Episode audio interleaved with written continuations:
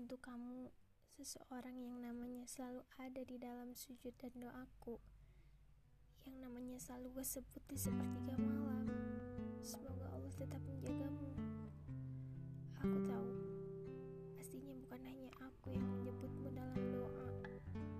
Banyak wanita di luar sana yang juga mengharapkanmu menjadi pendamping hidup untuk selamanya. Tapi doaku kuat dan hatiku yakin sesuatu yang harusnya menjadi milikku tidak akan pernah menjadi milik orang lain, dan aku yakin Allah mendatangkannya bukan pada waktu yang terlalu lambat ataupun terlalu cepat, apalagi waktu yang salah.